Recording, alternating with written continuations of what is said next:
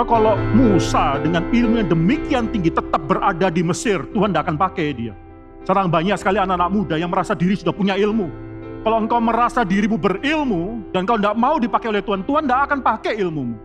So ini suatu hal yang perlu kita pelajari ketika kita masuk dalam tahun yang ke-2020. So, kita bertanya sama Tuhan, berapa sering kita jatuh dalam dosa? Dalam hal apa saja kita jatuh dalam dosa? Dan berapa sering kita mengulangi dosa yang sama? Saya tidak tahu saudara sudah kumpul sama keluarga, lalu sudah bicara, lalu membuat New Year's resolution, mau berjanji kepada Tuhan, meminta sesuatu dari Tuhan. Apa yang kita minta di hadapan Tuhan, sering kali bukan yang Tuhan janjikan kepada kita.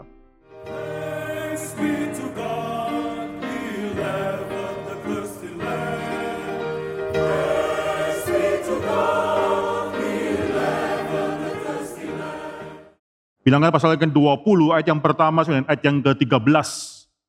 Ya, sekali lagi saya ganjil dan saudara akan membaca ayat-ayat yang genap. Demikianlah firman Tuhan bagi kita pada sore hari ini.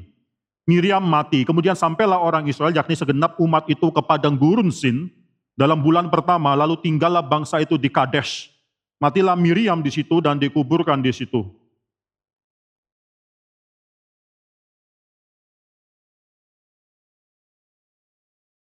Dan bertengkarlah bangsa itu dengan Musa, katanya, Sekiranya kami mati binasa pada waktu saudara-saudara kami mati binasa di hadapan Tuhan.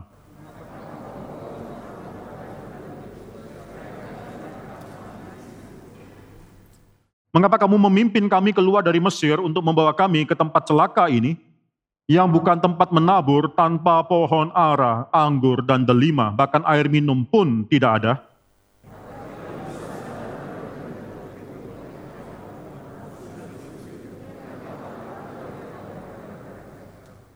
Tuhan berfirman kepada Musa,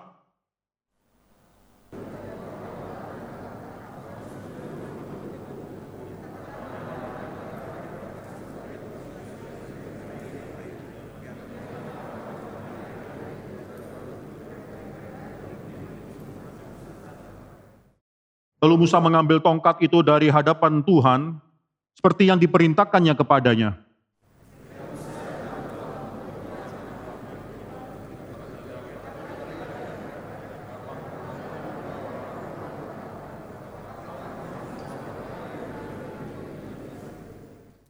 Sesudah itu Musa mengangkat tangannya lalu memukul bukit batu itu dengan tongkatnya dua kali, maka keluarlah banyak air, sehingga umat itu dan ternak mereka dapat minum.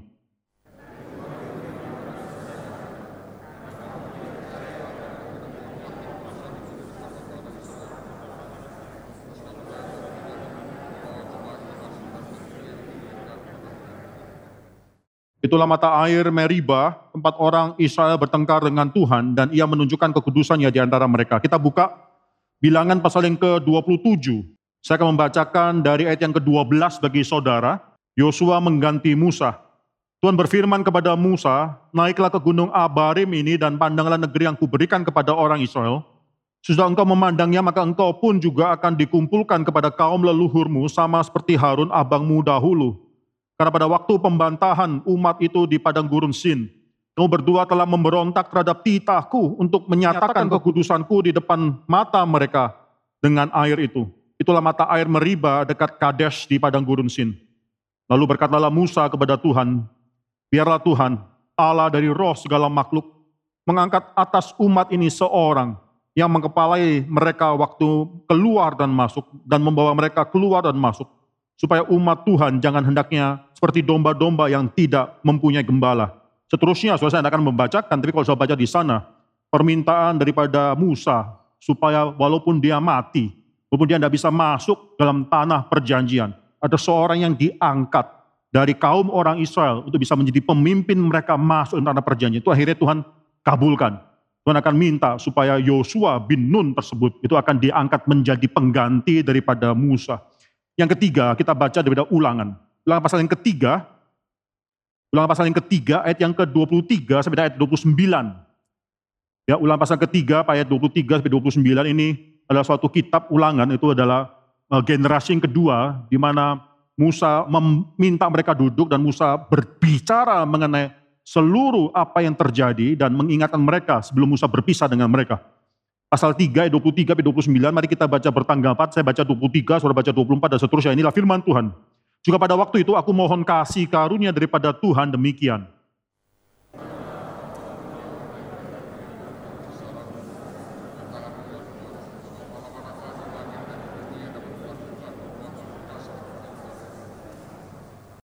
Biarlah aku menyeberang dan melihat negeri yang baik yang di seberang sungai Yordan, tanah pegunungan yang baik itu, dan gunung Libanon.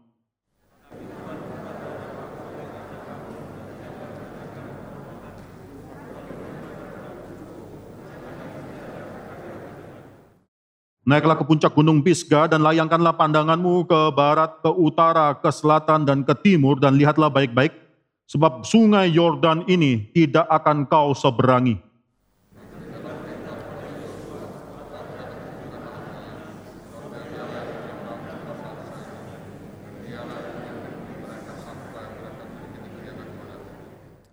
Demikianlah kita tinggal di lembah di dentangan, tentangan Bet Peor. Mari kita tundukkan kepala dan kita berdoa. Bapa dalam surga, kami bersyukur karena pada awal tahun tahun 2021 ini, kami bisa datang ke hadirat Tuhan kami, pasangan hidup kami, anak kami, orang tua kami.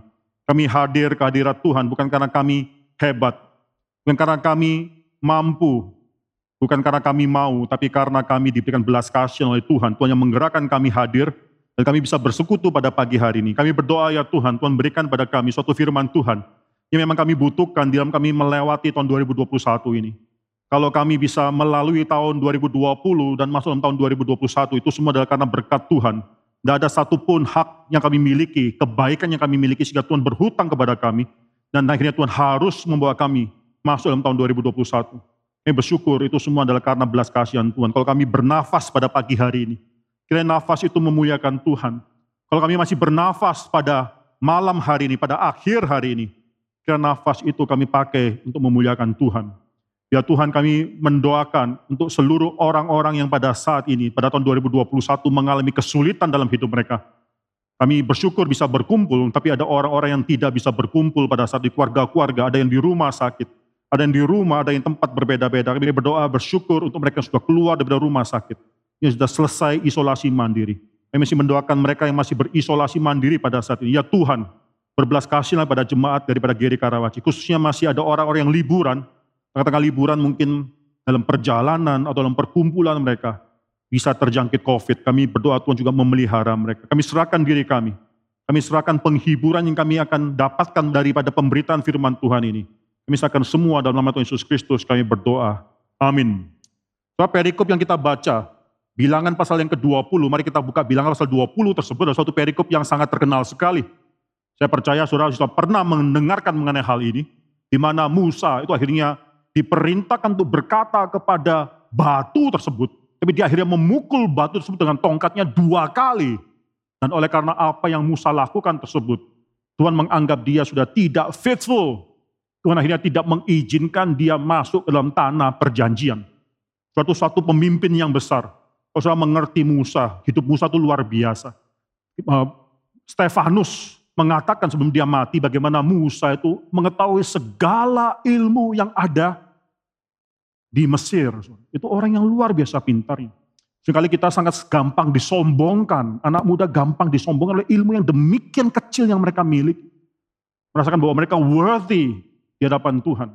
Ketika saya mendapatkan PhD, Saudara harus tahu PhD saya itu cuma belajar mengenai satu atom yang namanya rubidium. Rubidium itu ada ada dua macam, ada rubidium 85 dan rubidium 87. Saya cuma tahu rubidium 85 dan itu saya mendapatkan gelar doktor. Saya tidak tahu mengenai isotop mengenai rubidium 87. Saya tidak tahu, tidak banyak belajar mengenai atom-atom yang lain. Saya cuma tahu atom rubidium isotop 85. Itu mendapatkan gelar doktor. Saya lalu pikir, apakah yang saya lakukan ini akan mendapatkan faedah bagi kemanusiaan secara general. Berapa banyak orang yang akan membaca PhD dissertation saya setelah saya selesaikan semua riset saya. Berapa banyak orang yang akan membaca apa yang saya lakukan? Tidak banyak. Tidak ada orang yang karena melalui ilmu yang demikian tinggi akhirnya merubah dunia. Tuhan tidak menggunakan orang seperti demikian. So, kalau Musa dengan ilmu yang demikian tinggi tetap berada di Mesir, Tuhan tidak akan pakai dia. Sekarang banyak sekali anak-anak muda yang merasa diri sudah punya ilmu. Kalau engkau merasa dirimu berilmu, dan kau tidak mau dipakai oleh Tuhan, Tuhan tidak akan pakai ilmumu. Engkau mau ada S1, S2, S3 dan seterusnya, saudara itu tidak ada gunanya dalam kerajaan Tuhan.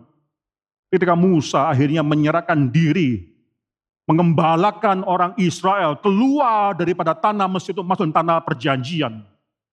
Mungkin tidak perlu orang yang mengerti segala ilmu daripada Mesir untuk bisa melakukan hal ini. Tapi orang ini yang dipakai oleh Tuhan. Dan ketika dia menyerahkan diri dia, luar biasa berkat Tuhan bagi umat Tuhan. Berkali-kali saya berbicara dengan orang yang menjadi dosen, yang akan menjadi dosen di CIA, jadi saya katakan, kamu mungkin saja bisa dipakai oleh Tuhan jadi berkat di dunia, bisa. Tapi mungkin, pikirkan kemungkinan. Kamu mau dipakai oleh Tuhan untuk khusus yang menjadi berkat bagi umat Tuhan di CIT. Saya katakan, saya sering kali menggunakan cerita daripada Musa.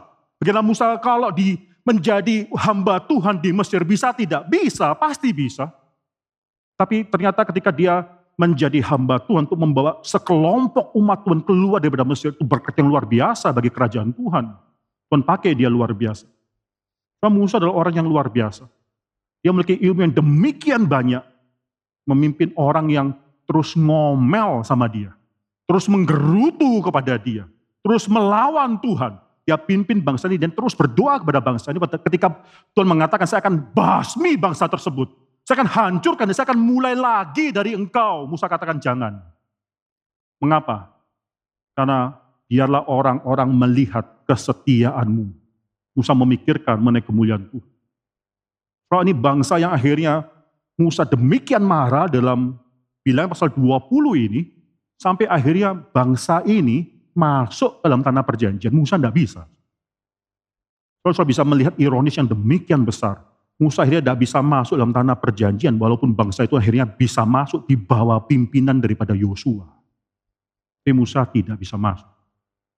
Saudara, mari kita lihat beberapa ayat yang sangat penting sekali di sini. Saudara bisa melihat, kalau saudara perhatikan dalam ayat yang pertama di sini.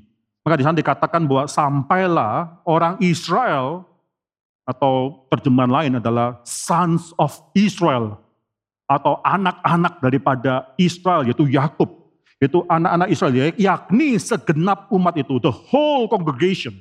Sampailah mereka ke padang gurun Zin dalam bulan pertama, tidak kasih tahu tahun yang keberapa, tapi pada bulan yang pertama lalu tinggallah bangsa itu di Kadesh. Matilah Miriam, nggak diberitakan lebih lanjut lagi mengenai apa yang terjadi pada saat itu. Tapi matilah Miriam di situ dan dikuburkan juga di situ, saudara. Coba perhatikan di sini, ini perikop selanjutnya, ayat yang kedua dan seterusnya ini sangat mirip sekali dengan, coba kita buka sebentar, saudara, dengan keluaran, coba kita buka keluaran. Keluaran pasal yang ke-17. Ayat yang pertama dengan ayat yang ke-7. Saya akan baca semua di sini, tapi ini perikop bicara mengenai masa dan meriba. Saudara bisa melihat dalam keluaran pasal 17 ke 1, itu sama juga, kemudian berangkatlah segenap jemaah Israel, the whole congregation of Israel, dari padang gurun Sin, berjalan dari tempat persinggahan ke tempat persinggahan sesuai dengan tita Tuhan, lalu berkemalah mereka di Rafidim, tetapi di sana tidak ada air untuk diminum bangsa itu. Sama. Mereka sampai dalam padang gurun Sin, dan problemnya juga sama, tidak ada air minum. Itu menjadi satu problem yang sangat besar sekali, saudara. Lalu ayat kedua, ini juga sama dengan apa yang kita baca dalam bilangan pasal 20 ayat yang ketiga, mulailah mereka bertengkar dengan Musa sama. Mereka akhirnya quarrel, berantem sama Musa, beradu pendapat, ngomel sama Musa, saudara. Ya, dan seterusnya, saudara bisa melihat bagaimana perkataannya sangat mirip sekali. Berikanlah air kepada kami supaya kami dapat minum. Tapi Musa berkata kepada mereka, mengapakah engkau bertengkar dengan aku? Mengapakah kamu mencobai Tuhan? Hauslah bangsa itu akan air di sana, bersungguh-sungguhlah bangsa itu kepada Musa dan berkata, mengapa pula engkau memimpin kami keluar dari Mesir untuk membunuh kami, anak-anak kami, dan ternak kami, dan dengan kehausan. Saudara ini sangat mirip sekali, itu perkataannya pun juga mirip, saudara. Saudara perhatikan dalam ayat ke-7, dalam keluaran pasal 17 ayat ke-7, nama tempat itu dinamai Masa dan Meriba, inilah tempat yang sama, saudara, yang saudara bisa dapati dalam bilangan pasal 20 ayat ke-13. Itulah mata air Meriba, saudara. Ini tempat yang sama, saudara. Tempat yang sama, saudara. Maka ada orang yang mengatakan, khususnya higher critics, yang mengatakan bahwa ini adalah cerita yang sama. Ini adalah duplicates, cerita yang sama, Cuma mungkin cerita yang kedua ini ditambahkan.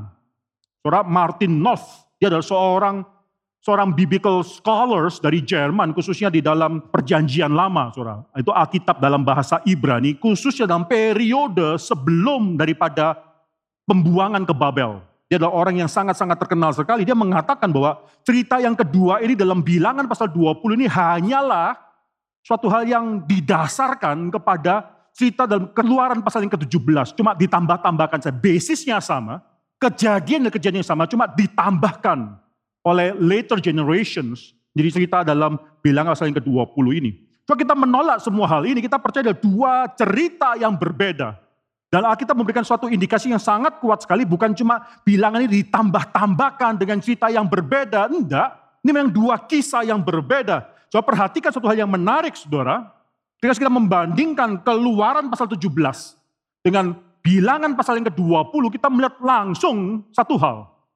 Keluaran pasal 17 dituliskan bagi generasi orang Israel yang baru keluar dari tanah Mesir indikasi mengatakan bahwa keluaran 20 ini menceritakan mengenai generasi yang berbeda.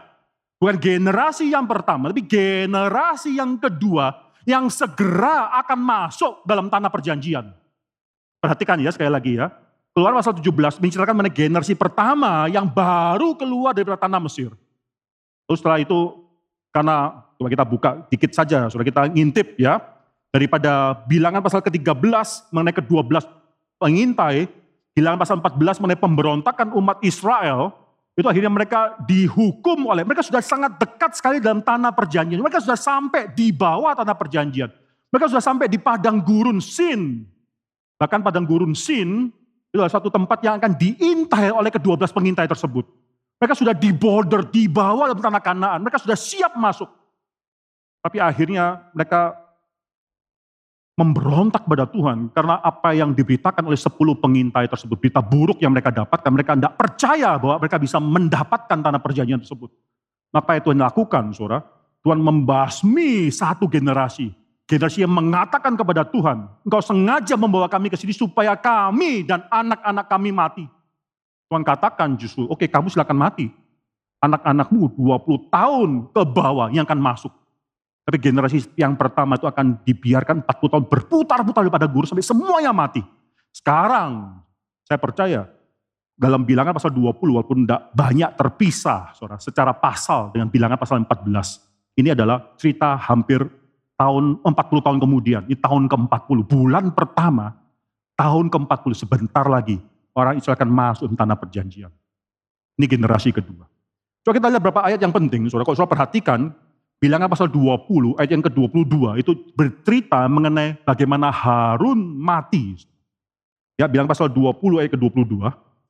Saya bacakan bagi saudara sekalian di sini. Setelah mereka berangkat dari Kades sampailah segenap umat Israel ke Gunung Hor, lalu berkatalah Tuhan kepada Musa dan Harun dekat Gunung Hor di perbatasan tanah Edom.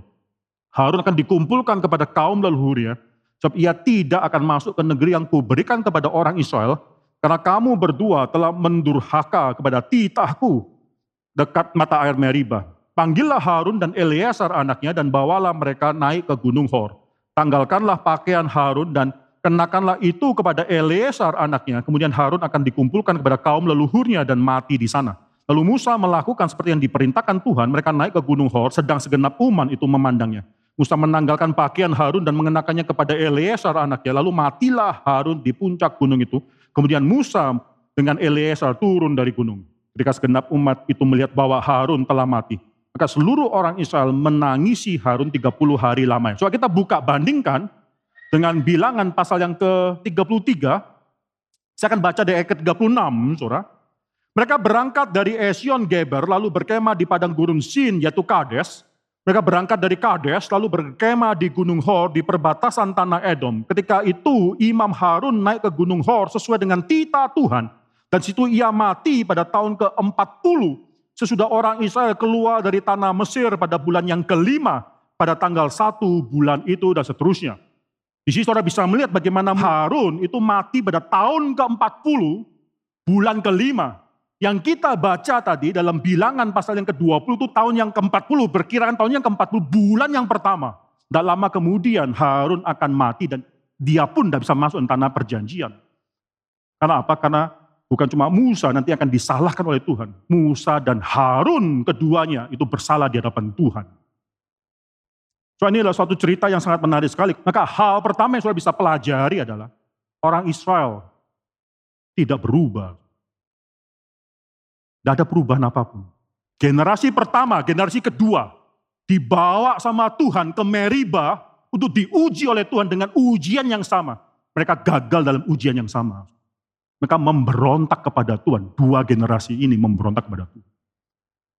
So, berapa sering dalam hidup kita, saya mau tanya, kita gagal, kita jatuh dalam dosa karena ujian atau cobaan yang sama. Berapa sering dalam hidup kita, kita juga melakukan hal yang sama. Akhirnya karena satu ujian, cobaan yang sama, kita akhirnya jatuh dalam hal tersebut. Setan sangat suka sekali. Dalam hal ini setan sangat bahagia. Mengapa? Karena dia tidak perlu mikirkan effort yang lebih lagi untuk menjatuhkan kita. Karena toh kita akan jatuh dalam ujian atau cobaan yang sama. So ini suatu hal yang perlu kita pelajari ketika kita masuk dalam tahun yang ke-2020. So kita bertanya sama Tuhan. Coba kita introspeksi hidup kita selama tahun 2020. Berapa sering kita jatuh dalam dosa? Dalam hal apa saja kita jatuh dalam dosa? Dan berapa sering kita mengulangi dosa yang sama? Hal pertama yang kita harus pelajari dalam hari ini adalah bahwa umat Tuhan itu lemah. Kita semua itu terlalu lemah. Kita semua itu gampang melakukan jatuh dalam hal yang sama. Saudara bisa bayangkan enggak? Ini kurang apa generasi yang kedua? Mereka melihat selama 40 tahun, mereka melihat bagaimana Tuhan menyertai hidup mereka. Tuhan memberikan mana setiap hari dalam hidup mereka. Sesuatu tempat di mana diharapkan mendapatkan makanan, Tuhan berikan kepada mereka. Akhirnya mereka melakukan kesalahan yang fatal yang dilakukan juga oleh generasi yang pertama. Itu mereka melawan Tuhan, memberontak kepada Tuhan. Jadi kita bisa bicara mengenai hal ini, saudara. Saudara bisa melihat ada perbedaan tapi ya di antara kisah yang pertama dan kisah yang kedua ini. Jadi persamaannya sangat jelas sekali kedua generasi melawan Tuhan. Tapi perbedaannya, saudara, kalau saudara melihat, saudara melihat bagaimana Tuhan Yahweh memberikan perintah yang berbeda di Exodus atau di Keluaran pasal 17 dan di Bilangan. Dalam keluaran pasal 17, Tuhan mengatakan kepada Musa untuk memukul batu karang tersebut. Dalam bilangan pasal yang ke-20, Tuhan hanya mengatakan berkatalah kepada batu tersebut. Jadi suatu perbedaan yang luar biasa besar. Saudara bisa melihat dalam kedua perikop yang demikian ini, saudara bisa melihat juga bagaimana akhirnya Musa meresponi juga dengan cara yang berbeda. Pada keluaran pasal 17, Musa meresponi dengan suatu ketaatan. Dia akhirnya memang memukul batu karang tersebut. Tapi yang mengagetkan adalah apa yang terjadi dalam bilangan pasal ke-20. Mengapa Musa tidak taat? Cuma mengatakan berkatalah kepada batu karang ini. Musa memukul batu karang itu dua kali. Saudara. Bukan cuma satu kali, dua kali Musa pukul. Berkat Tuhan memang tetap dicurahkan, air itu tetap keluar. Menunjukkan bahwa dalam pelayanan kita, saudara, sering kali ketika kita lemah dalam melayani Tuhan, kita mungkin bukanlah orang yang paling taat dalam melayani Tuhan, tapi berkat Tuhan tetap dicurahkan kepada gereja Tuhan, kepada umat Tuhan. Tapi ini adalah satu hal yang nanti Musa harus bayar harga dalam hidup dia. Karena dia melanggar firman Tuhan tersebut. Dia akhirnya tidak bisa masuk. So perhatikan, generasi kedua yang melakukan dosa yang sama dengan generasi yang pertama, dalam kasus Meriba di sini diperkenankan masuk dalam tanah perjanjian. Musa dalam kasus yang kedua ini, dalam bilangan pasal 20, melakukan suatu kesalahan, tapi dia nggak diperkenankan masuk. Saya terus memikirkan mengenai hal ini. Kenapa kok Tuhan demikian kejam dengan Musa? Kenapa kok Tuhan demikian akhirnya demikian membedakan Musa dengan umat Tuhan yang lainnya? Sama-sama mungkin pada saat itu tidak taat kepada Tuhan. Ada unfaithfulness. Tapi kenapa Tuhan menuntut Musa lebih daripada domba-domba gembalaan daripada Musa tersebut? Maka paling tidak ada berapa hal, ada dua hal yang bisa kita pelajari. Yang pertama, saudara Musa itu adalah pimpinan, pemimpin.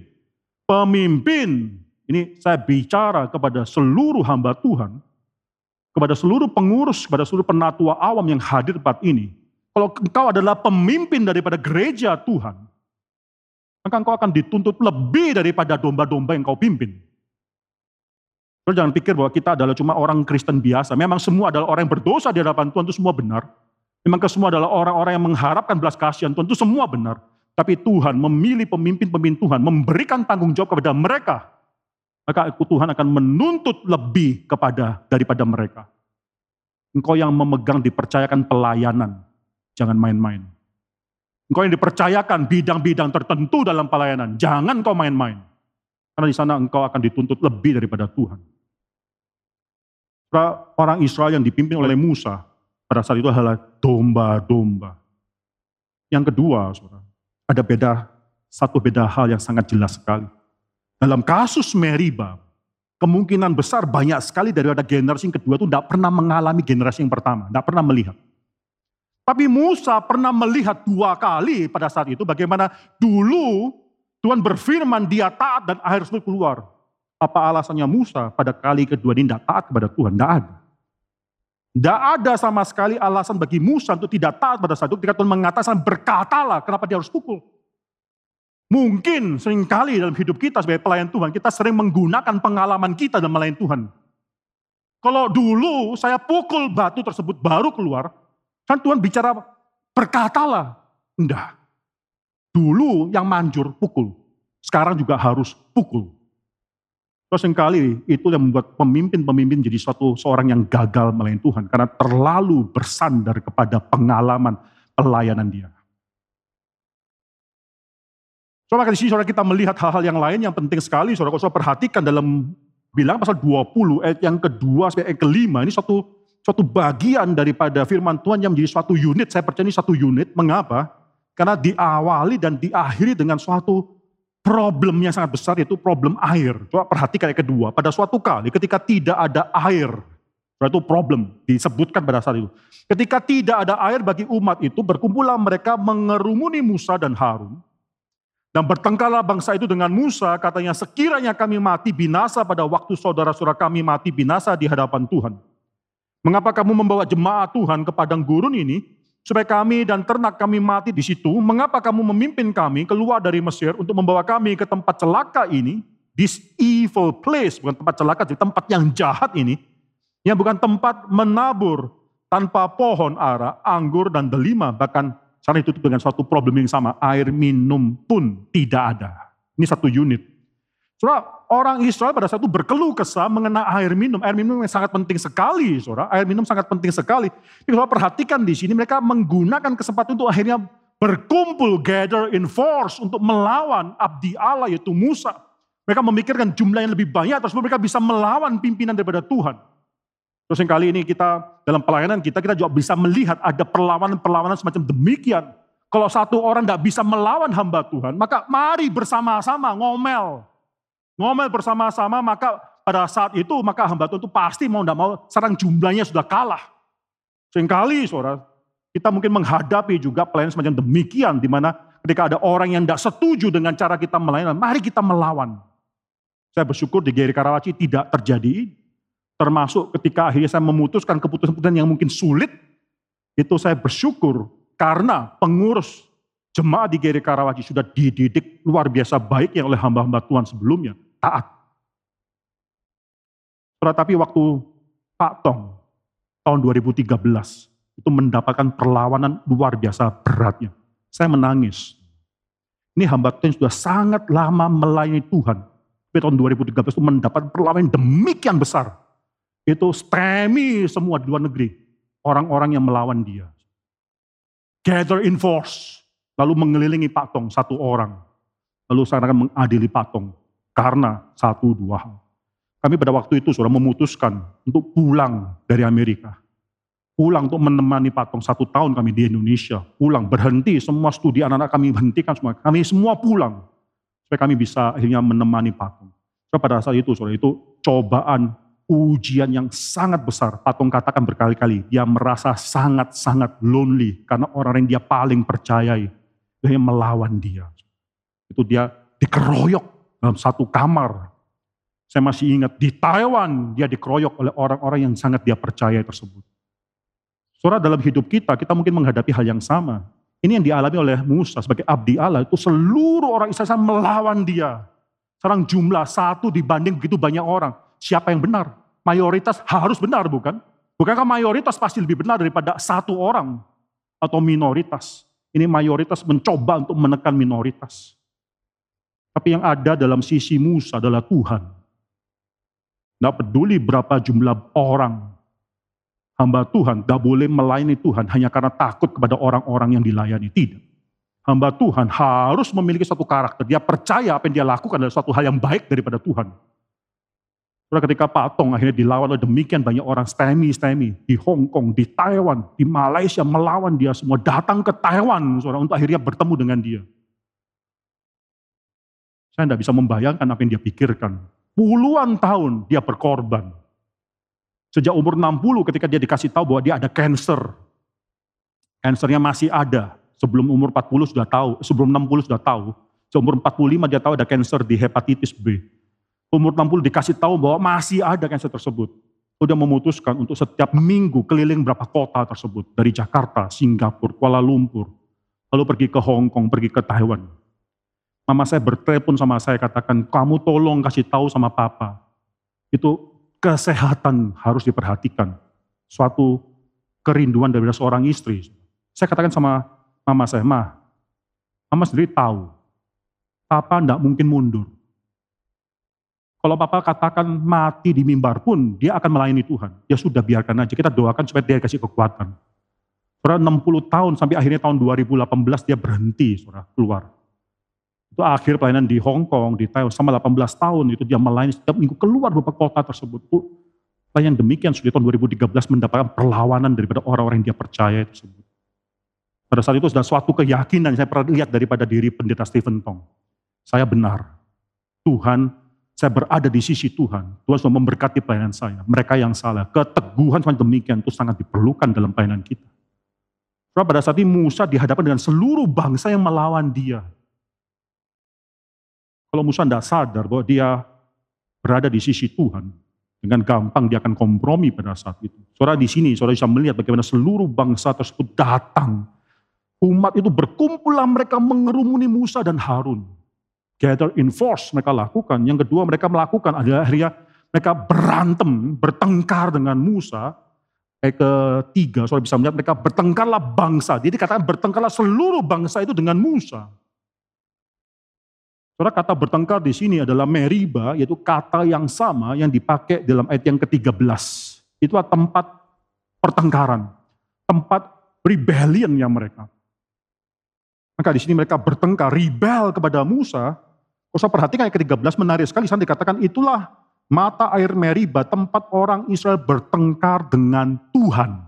Ayat 3 mengatakan mereka berkumpul dan mereka mengurumuni Musa, bertengkarlah bangsa itu dengan Musa, meriba dengan Musa. Ayat 13 mengatakan mereka meriba sebenarnya dengan Tuhan, Yahweh. Bisa bisa melihat bagaimana Musa adalah memang abdi daripada Tuhan. Musa memang dipakai oleh Tuhan untuk memimpin bangsa tersebut.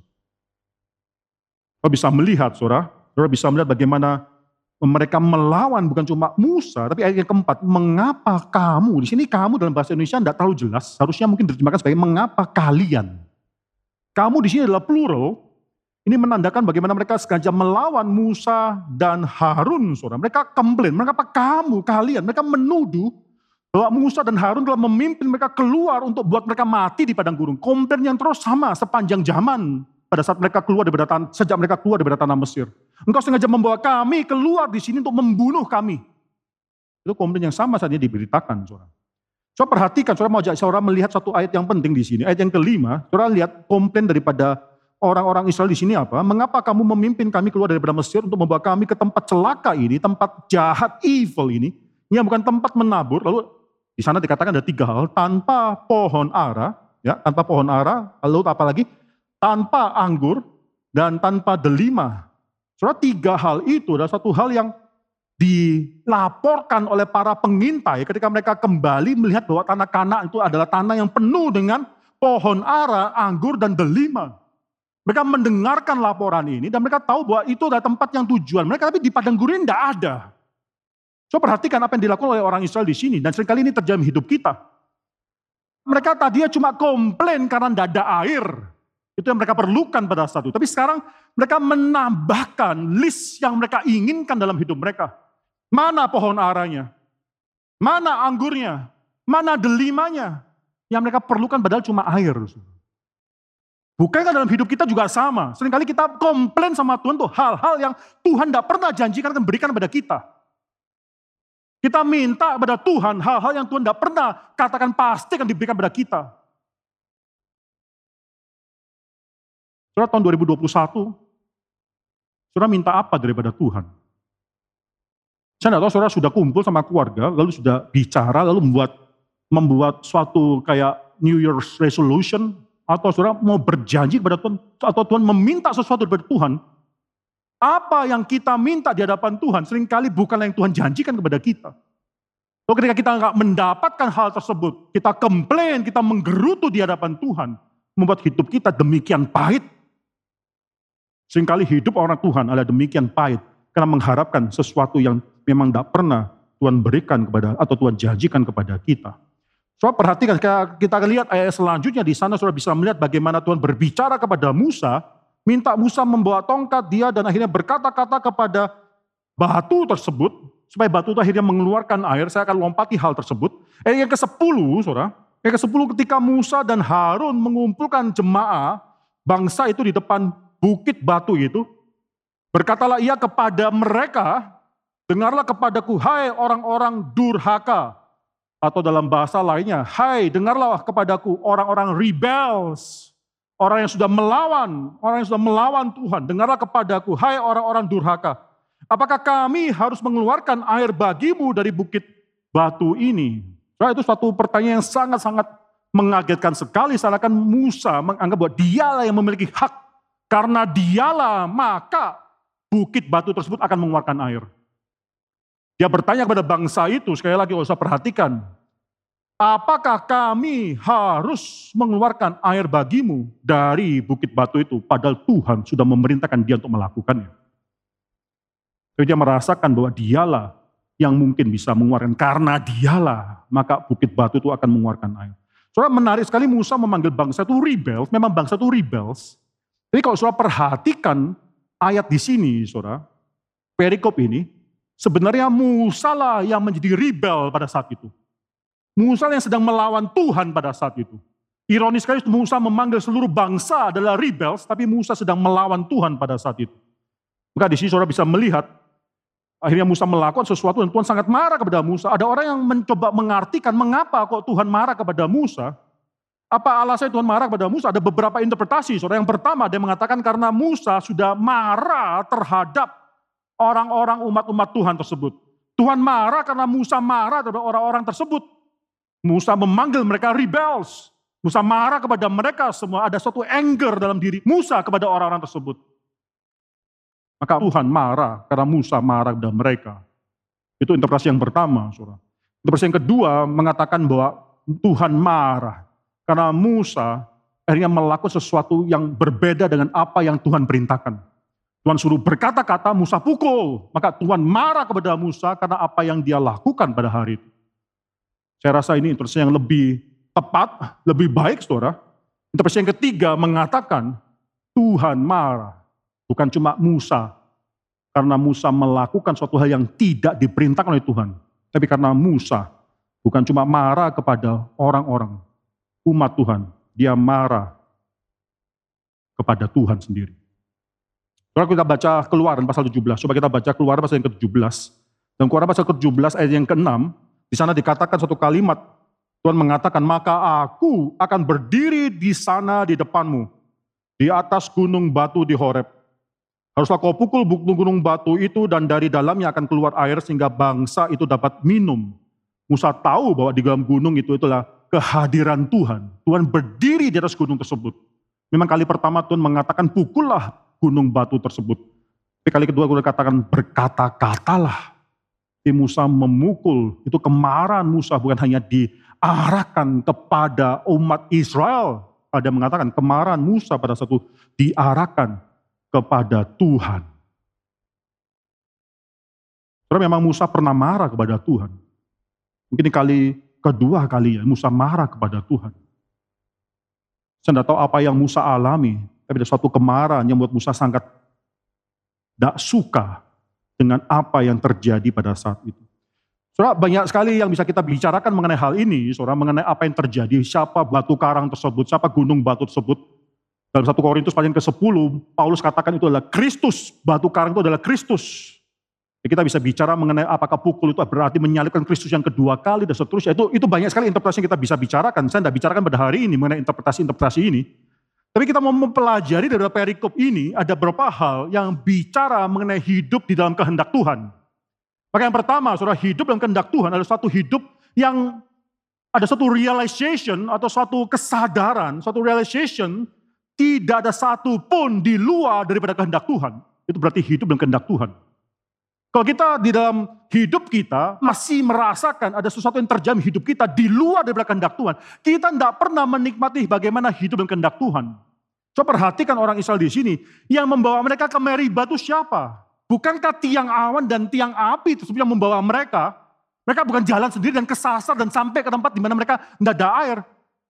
Bukankah mereka menyalahkan Musa, mengapa engkau membawa kami ke tempat ini? Karena Musa juga mengikuti tiang awan dan tiang api tersebut. Serang Allah yang membawa mereka di tempat tersebut untuk menguji generasi kedua. Dalam hidup kita, soal tahun 2021, mungkin ada ujian Tuhan. Kita tidak usah pikir bahwa hidup itu selalu akan lancar. Bahwa tidak ada kesulitan, tidak ada duka, tidak ada kematian, tidak semua itu pasti kita bisa melewati. Tidak, saudara. Ada kemungkinan Tuhan membawa kita dalam satu periode hidup yang sulit tahun 2021 ini. Tapi kita tidak mungkin bisa mengatakan kita hidup dalam kehendak Tuhan kalau kita tidak merasakan pada saat itu. Itulah kehendak Tuhan bagi kita. Itulah yang Tuhan bawa, Tuhan pimpin, dan Tuhan berikan dalam hidup kita. Sebab bangsa Israel gagal dalam hal ini. Bangsa Israel gagal dalam melihat bagaimana mereka itu sudah dipimpin keluar daripada tanah Israel, dipimpin terus selama berapa puluh tahun di padang gurun. Sekarang Tuhan juga bawa mereka masuk dalam tempat yang namanya Meriba tersebut. Di mana orang tua mereka pernah diuji. Dan mereka sedang diuji dengan cara yang sama. Itu yang pertama yang bisa kita pelajari, saudara. Hidup dalam kehendak Tuhan adalah suatu kesadaran. Tidak ada satu pun yang mungkin terjadi di luar daripada kehendak Tuhan. Itu namanya hidup dalam kehendak Tuhan. Yang kedua, saudara, hidup dalam kehendak Tuhan adalah hidup yang menyadari bahwa ada tangan Tuhan yang memimpin kita, yang memberkati kita, saudara. So kegagalan daripada orang Israel adalah gagal dalam mengerti bahwa mereka sedang hidup di dalam kehendak Tuhan.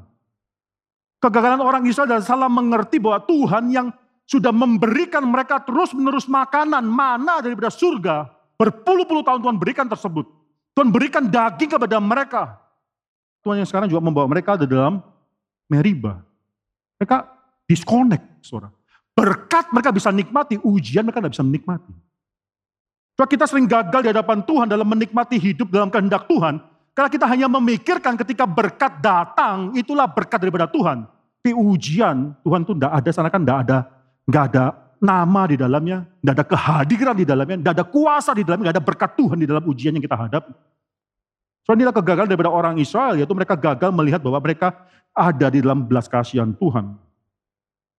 So, sebelum periode masa dan Meriba ini, betapa banyak berkat yang sudah mereka alami. Mengapa mereka khawatir pada hari itu? Sebelum masa dan Meriba mereka sudah menikmati begitu banyak deliverance daripada Tuhan. Mengapa pada hari itu mereka khawatir? So, bukankah kita sering kali dikhawatirkan untuk hal-hal yang Sebenarnya kalau kita pikirkan, Tuhan sudah menunjukkan kasih setiap Tuhan demikian baik dalam hidup kita. Tapi ketika suatu hal yang terjadi yang lain dalam hidup kita, yang kita tidak inginkan, lalu kita meragukan bagaimana Tuhan yang mungkin yang sudah melakukan demikian banyak hal dalam hidup kita, hari itu tidak bisa menguatkan kita. Seorang yang kehilangan orang yang paling dia kasihi, bisa saja pada hari itu dia merasakan demikian kesepian, tapi mungkin juga dia perlu diingatkan bagaimana Tuhan itu sudah memberkati hidupnya demikian banyak Tuhan yang sama yang juga akan menopang dia pada saat itu. Kalau kita buka satu Samuel, saudara, coba kita buka satu Samuel, satu Samuel pasal yang ke-17. Ada satu kalimat yang luar biasa yang keluar daripada mulut daripada Daud, saudara. Satu Samuel pasal yang ke-17, ketika Daud harus berhadapan dengan Goliat, saudara. Dan Saul merasakan Daud tidak mungkin mampu karena Goliat terlalu besar. Saudara lihat, dari ayat yang ke-34. Tetapi Daud berkata kepada Saul, hambamu ini biasa mengembalakan kambing domba ayahnya. Apabila datang singa atau beruang yang menerkap seekor domba dari kawanannya, maka aku mengejarnya, menghajarnya dan melepaskan domba itu dari mulutnya. Kemudian apabila ia berdiri menyerang aku, maka aku menangkap janggutnya lalu menghajarnya dan membunuhnya. Baik singa maupun beruang telah dihajar oleh hambamu ini. Dan orang Filistin yang tidak bersunat ini itu ia akan sama seperti salah satu daripada binatang itu. Karena ia telah mencemooh barisan daripada Allah yang hidup. Pula kata Daud. Nah ini penting ayat 37. Tuhan yang telah melepaskan aku dari cakar singa dan cakar beruang, dia juga akan melepaskan aku daripada tangan orang Filistin itu. Saudara, berkat Tuhan, penyertaan Tuhan, anugerah Tuhan di masa lampau kita, itu mempersiapkan kita untuk menghadapi segala kesulitan di masa depan kita. Kalau kita hanya bisa menikmati berkat Tuhan di masa lampau, tapi tidak siap, tidak pernah bisa siap menghadapi ujian daripada Tuhan, di masa depan kita, kita adalah orang-orang yang bukan seperti orang-orang anak-anak Tuhan yang bisa dididik oleh Tuhan. Betapa manis pengalaman hidup kita ketika suatu hal yang tidak kita harapkan terjadi. Akhirnya pengalaman indah tersebut membuat kita percaya Tuhan yang sama akan menguatkan kita dalam kesulitan. Itulah orang yang hidup dalam kehendak Tuhan. Yang ketiga, saudara, hidup dalam kehendak Tuhan berarti hidup tidak kompromi dengan firman Tuhan. Musa diminta oleh Tuhan berkata-kata kepada gunung tersebut. Tidak ada alasan Musa untuk melakukan satu hal yang berbeda. Musa yang selama ini sudah taat pada firman Tuhan secara utuh. Mengapa pada hari itu berubah dan akhirnya mencoba berbeda dengan firman Tuhan. So, memang ayat ini sangat dalam sekali, saudara. Tapi paling tidak bawalah pengertian ini kepada kita dalam hidup kita tahun 2021 ini. Berapa banyak firman Tuhan yang Tuhan berikan dalam hidup kita. Jangan kita kompromi dalam hal yang paling kecil sekalipun. Tugas anak Tuhan adalah mempertahankan setiap perkataan firman Tuhan yang adalah am tersebut. Dan kita tidak berkompromi. Seringkali kita dosa. Itu karena kita cuma membiarkan satu hal kecil, kita pikir kecil dalam hidup kita, kita langgar. Tapi itu membuat satu hal yang lebih besar, lebih besar dan lebih besar lagi. Tidak ada orang yang jatuh langsung berdosa mencari pelacur, tidak ada. Masih dimulai daripada suatu kompromi yang kecil, kompromi yang kecil ditambah terus semakin bertambah, semakin bertambah. Tidak ada orang yang jatuh dosa, dosa perjinan langsung itu tidak ada. Tapi kita membuka hati kita untuk kompromi yang kecil, semakin besar, lebih besar, dan akhirnya semakin besar lagi. Ibrani pasal yang kedua ayat yang pertama mengatakan bahwa kita berhati-hatilah karena kita bisa di dalam bahasa Inggrisnya bagus Bahasa Indonesia kata-kata hanyut, itu kayak tsunami yang besar. Bahasa Inggris mengatakan drift away, perlahan-lahan hilang. Hidup dalam kehendak Tuhan, hidup tidak kompromi dengan firman Tuhan. Yang keempat, saudara, hidup dalam kehendak Tuhan adalah hidup yang mementingkan umat Tuhan, mementingkan pekerjaan Tuhan, mementingkan kerajaan Tuhan. Luar biasa sekali kalau kita buka, saudara. Bilangan pasal yang ke-27 ayat ke-12 dan seterusnya saya tidak akan baca di sana, tapi walaupun Musa tahu bahwa dia tidak akan masuk dalam tanah perjanjian tersebut, apa yang Musa minta? Supaya umat Tuhan ada pemimpin. Wah, saudara kalau baca ayat-ayat itu, saudara, itu satu ayat yang demikian luar biasa indah. Ya Musa tahu dia tidak bisa masuk dalam tanah perjanjian, tapi Musa tidak memperkarakan hal itu. Yang Musa perkarakan hal itu, memang Musa akan meminta, dan Tuhan akan katakan cukup, tidak usah minta lagi. Ya, aku sudah menghukum engkau, tidak usah minta lagi, tidak usah merengek-rengek lagi. Tapi setelah itu Musa katakan apa, saudara? Ya sudah, aku minta tetap bangsa ini ada pemimpin. Engkau angkat pemimpin menggantikan aku untuk memimpin bangsa itu masuk dalam tanah perjanjian. So kita hidup dalam kerajaan Tuhan, dalam kehendak Tuhan ketika kita mementingkan apa pun yang kita pikirkan adalah pekerjaan Tuhan. Apa yang kita pikirkan adalah umat Tuhan. Khususnya kita yang adalah pelayan-pelayan Tuhan. Dalam apa pun yang kita kerjakan, kita harus pikirkan mengenai jemaat Tuhan yang Tuhan percayakan kepada kita. Luar biasa apa yang Musa katakan untuk meminta seorang pengganti menggantikan dia. Yang kelima, saudara, hidup dalam kehendak Tuhan adalah hidup yang taat, obedient, totally kepada Tuhan. Sekali lagi kalau saudara lihat, coba kita buka ulangan pasal yang ketiga, saudara. Ulangan pasal yang ketiga, Musa di sana merengek, minta supaya bisa masuk. Dia merindukan tanah perjanjian tersebut. Dia dipanggil untuk membawa satu bangsa keluar dari tanah Mesir untuk masuk dalam tanah perjanjian. Bahkan karena rebellion daripada bangsa tersebut, dia harus akhirnya berputar-putar di padang belantara, akhirnya 40 tahun tidak bisa masuk. Tapi sekarang dia tidak bisa masuk. Kalau saudara bisa lihat dalam ulangan pasal yang ketiga, 23 dan seterusnya, dia meminta kepada Tuhan untuk bisa masuk. Coba saya bacakan ayat ke-23, juga pada waktu itu aku mohon kasih karunia daripada Tuhan Yahweh demikian. Ya Tuhan Allah, Engkau telah mulai memperlihatkan kepada hambamu ini kebesaranmu dan tanganmu yang kuat Sebab Allah manakah di langit dan di bumi yang dapat melakukan perbuatan perkasa seperti engkau? Biarlah aku menyeberang dan melihat negeri yang baik yang di seberang sungai Yordan, tanah pegunungan yang baik itu dan gunung Libanon. Tetapi Tuhan murka, marah terhadap aku oleh karena kamu dan tidaklah mendengarkan permohonanku. Tuhan berfirman kepadaku, cukup. Jangan lagi bicarakan perkara itu dengan aku. Kalau kamu mau lihat tanah perjanjian, naiklah ke puncak gunung Pisgah, layangkanlah pandanganmu ke barat, ke utara, ke selatan, dan ke timur. Dan lihatlah baik-baik sebab sungai Yordan ini tidak akan kau seberangi dan seterusnya. Musa taat. Dia tidak pernah bicara lagi setelah itu. Dia tidak pernah meminta lagi. Dia tahu kehendak Tuhan sudah bagi dia untuk tidak masuk dalam tanah perjanjian. Soalnya ada orang yang mengatakan bahwa sebenarnya Musa masuk dalam tanah perjanjian. Karena dalam transfigurasi itu ketika Yesus dimuliakan ada Musa dan ada Elia di dalam tanah perjanjian. Itu suatu interpretasi yang sangat menarik sekali, tapi bagi saya tidak cukup. Karena akhirnya Musa bukan cuma masuk tanah perjanjian, dia sudah masuk ke surga. Dia sudah, sudah masuk lebih dari tanah perjanjian, sudah masuk ke surga dan menikmati Tuhan. Musa tahu dia tidak bisa masuk tanah perjanjian, dia hanya bisa melihat daripada gunung tersebut. Dia bisa melihat tanah perjanjian tersebut, tapi dia tidak mungkin masuk. Secara badan dia tidak mungkin masuk dalam tanah perjanjian tersebut. Tapi dia tahu, dia ada bersama dengan Tuhan. Dia akan terus ada bersama dengan Tuhan. So inilah iman daripada anak Tuhan. Surah yang dijanjikan bagi saudara bukan dunia ini. Imanmu melihat pada dunia yang akan datang. Surah hidup dengan kehendak Tuhan adalah mengetahui bahwa bukan ini, yang bukan yang bisa kita lihat ini yang Tuhan janjikan. Bukan yang bisa kita lihat. Kita bisa melihat dari jauh mengenai apa yang indah dalam dunia ini. Tapi lebih daripada itu, hidup dalam kehendak Tuhan adalah mengetahui bahwa kita sudah mendapatkan surga itu. Kita sudah mendapatkan jaminan tersebut. Kita sudah mendapatkan lebih dari apa yang bisa kita lihat daripada mata jasmani kita. Itulah hidup daripada dalam kehendak Tuhan. Yang terakhir, saudara, hidup dalam kehendak Tuhan adalah hidup yang dipelihara oleh Tuhan. Saudara, saudara bisa menikmati hal ini ketika saudara tahu dalam segala kesulitan hidup kita, kita dipelihara oleh Tuhan. Dari mana kita bisa melihat hidup dari dalam Musa ini, Saudara sampai nanti Musa mati, coba kita lihat ulangan pasal yang ke-34, saudara.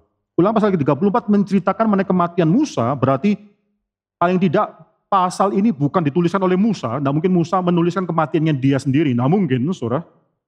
Kalau saudara perhatikan di sini, saudara, ayat yang kelima, ya dia naik, ini orang tua disuruh naik ke gunung Nebo, dia mati di gunung Nebo, Ayat yang kelima, lalu matilah Musa hamba Tuhan itu di sana, di tanah Moab, di luar tanah perjanjian, saudara. Sesuai dengan firman Tuhan.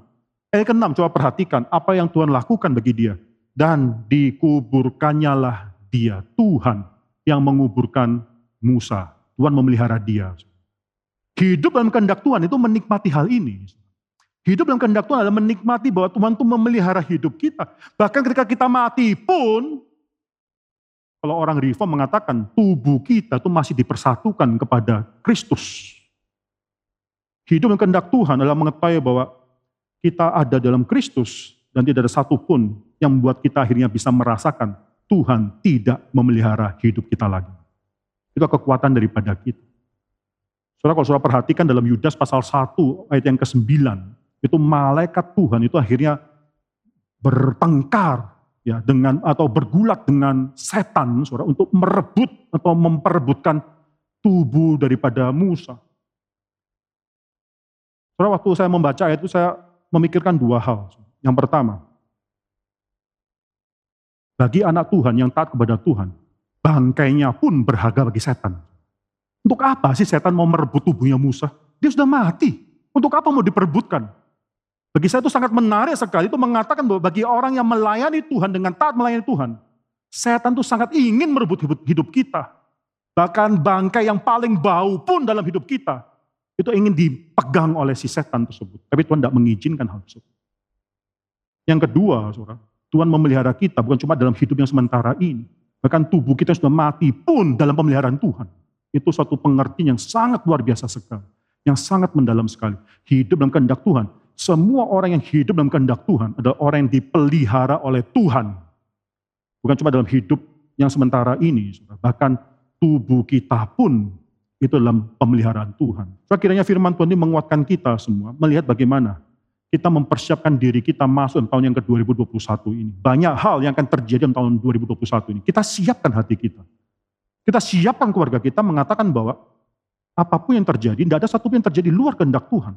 Tuhan bisa membawa kita dalam satu hidup yang sulit, tapi itu pun adalah pekerjaan Tuhan bagi kita, kehendak Tuhan bagi kita, dan Tuhan sudah menyediakan kekuatan bagi kita untuk bisa melawan atau melewati kesulitan hidup tersebut. Ya Tuhan menyertai kita, ya Tuhan memelihara kita, dan memelihara suami dan istri, dan juga anak-anak kita. Ya Tuhan, dipermuliakanlah hidup kita. Mereka tundukkan kepala dan kita berdoa. Bapak dalam surga kami bersyukur untuk segala firman Tuhan yang sudah kami dengarkan. Banyak hal yang bisa kami alami dalam hidup ini. Tahun 2020 sudah lewat.